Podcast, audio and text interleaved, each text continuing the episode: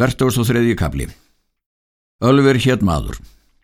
Hann var húskarl Þóris og var forstjóri og ráðamaður fyrir búi hans og hafði hann skuldheimtur og var fjehyrðir. Ölver var af æsku aldri og þó maður hinn hressasti.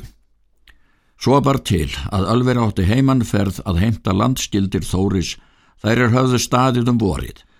Hafði hann róðrarferju og voru þar á tólf húskarlar Þóris. Þá tók Egil að hressast og reysa þá upp.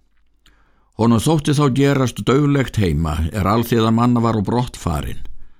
Kom hann að máli við Ölvi og sagði að hann vildi fara með honum. En Ölvi þótti eigi góðum leðsmanni oföggið því að skipakostur var ærin og reðst Egil til ferðar þerrar. Egil hafi vopn sinn, sverð og kesju og böklara. Fara þeir ferðar sinnar er þeir voru búnir og fengu veðra bálk harðan, hvers veður og óhagstæð en þeir sóttu ferðina knálega og tóku róðrar leiði. Svo bar til ferð þeirra og þeir koma aftandags til allegjar og lögðu þar að landi, en þar var í eiginu skamt upp bú mikið er átti Eirikur konungur. En þar réð fyrir maður sá er bárdur hétt. Hann var kallaður allegjar bárdur og var síslumadur mikill og starfsmaður góður. Ekki var hann kynstórmaður en kærmjög Eiriki konungi og Gunnhildi drottningu. Þeir ölver dró upp skip sitt úr flæðarmáli, gengur síðan til bæjar og hittu barðu úti og sögðu honum um ferð sína, svo það að þeir vildu þar vera um nóttina.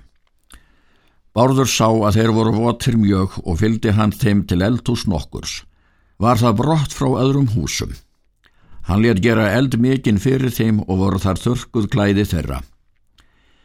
En er þeir höfðu tekið klæðis sín, þá kom Bárður þar. Nú munum við, saði hann. Hér setja yður borð.